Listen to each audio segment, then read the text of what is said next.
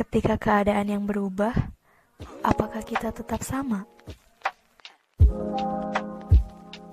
Eh bentar-bentar. Ini tuh sebenarnya apaan sih? Episode 1 semua tentang kita. Halo semuanya.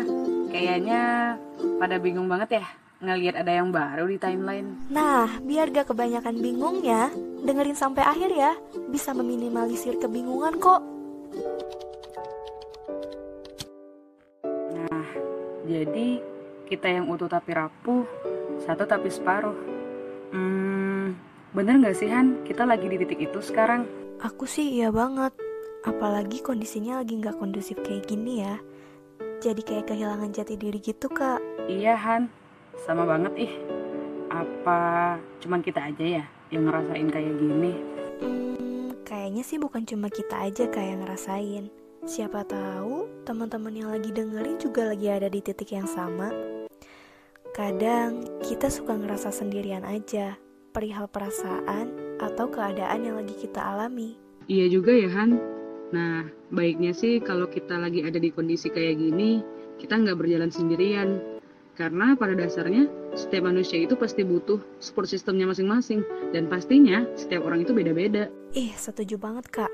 Terus, support system yang kita cari juga pastinya harus sesuai sama tujuan yang mau kita raih dong ya. Pastinya, Han.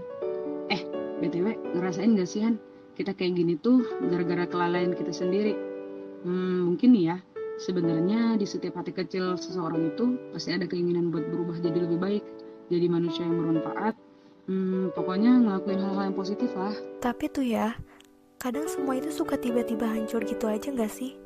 Kayak planning yang udah kita susun baik-baik, serapi mungkin biar bisa tercapai. Tapi kita suka kalah sebelum berperang. Dan yang paling nyebelinnya tuh ya, kita tuh kalahnya sama ego kita sendiri kak. Terus kita juga gak mau keluar dari zona nyamannya kita sendiri. Iya Han, setuju banget. Kadang ya, kita tuh suka gampang merasa puas gitu dengan apa yang udah kita capai. Contoh nih ya, entah itu prestasi, kebaikan, atau bahkan dalam urusan ibadah. Sebenarnya ya, hal-hal yang kayak gitu tuh dapat berpengaruh buruk banget loh dalam kehidupan kita. Hmm, pantesan ya. Hal-hal yang kayak gitu juga bisa berpengaruh sama kestabilan iman dan tekad kita buat berubah ya kak. Mungkin gak sih permasalahan kita di sini itu gimana caranya ngehidupin hati kita agar selalu mengejar penghambaan diri kepada Allah. Hmm, ngidupin hati kita, iya ya. Nah mungkin sebagian orang ada yang peduli dan ada juga yang enggak mengenai hatinya sendiri. Kalau setahu kamu, hal yang pertama harus kita lakuin ketika hati kita bermasalah gimana? Dari yang pernah aku denger ya kak, yang terpenting itu ketika hati kita bisa tersambung sama Allah dan bisa membangun vibrasi-vibrasi kedamaian hati. Itu adalah takwa yang sempurna katanya kak. Tapi buat sampai ke titik itu tuh pasti susah banget gak sih? Dan kita harus mau berani bayar harganya. Hah? Bayar? Maksudnya bayar itu gimana? Jadi gini misalnya kak, kita udah ikhtiar nih habis-habisan, tapi ternyata masih gini-gini aja. Udah berjuang juga sampai semaksimal mungkin dan menunjukkan kinerja terbaik kita, tapi masih tetap aja hasilnya gak memuaskan. Pernah gak sih kak ngerasain hal yang kayak gitu? Hmm, iya ya Han. Pernah banget lah. Itu kayaknya kakak banget deh. lah, emangnya kak Mega doang yang ngerasain? Aku juga ngerasain kali kak. Mungkin dari hal yang kayak gitu, sebenarnya Allah tuh mau nyampein ke kita kak. Kalau yang paling berhak menakar besar kecilnya rezeki kita itu, itu mutlak hak Allah. Dan tugas kita yang paling utama, meminta ampunan atas kelalaian yang udah kita perbuat. Siapa tahu di salah satu ikhtiar atau usaha kita, ada satu hal yang bikin Allah gak ridho. Iya, bener banget Han. Kadang kitanya aja yang suka lupa diri dari apa yang udah Allah berikan buat kita. Nah, kalau nggak salah kakak juga pernah baca tuh, kalau kita tuh jangan suka ngelakuin kesalahan yang sama lagi. Kadang hal yang kayak gini nih dapat mengundang kemurkaan Allah juga loh. Dan bahkan Allah juga nggak suka akan hal itu. Iya juga ya. Tapi bukan berarti kan kita kayak gitu tuh Allah jadi benci ke kita. Mungkin ini salah satu bentuk Allah nungguin taubat kita. Iya gak sih kak? Iya Han, itu mah pasti. Allah tuh kan maha penerima taubat dan maha pengampun. Iya bener banget, setuju banget kak. Tinggal kitanya aja yang terus perbaiki taubat kita dan tunjukin ibadah terbaik penghambaan kita kepada Allah. Bukan semata-mata karena ingin keluar dari masalah atau mendapatkan solusi, tapi sebagai bentuk kesungguhan kita yang ingin mendapatkan cintanya Allah.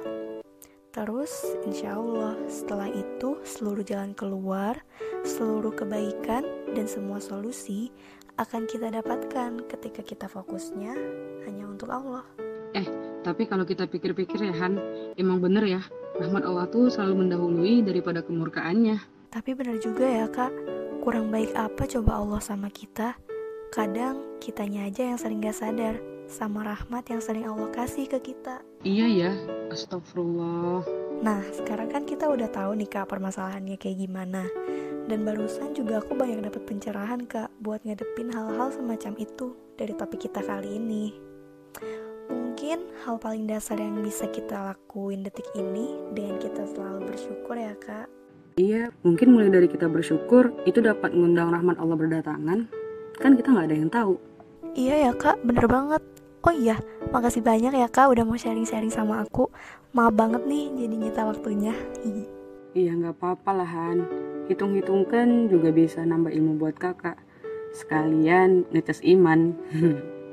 eh iya nih, gak kerasa kak, bentar lagi mau buka puasa ya? Eh iya ya, keasikan ngobrol nih jadi lupa waktu.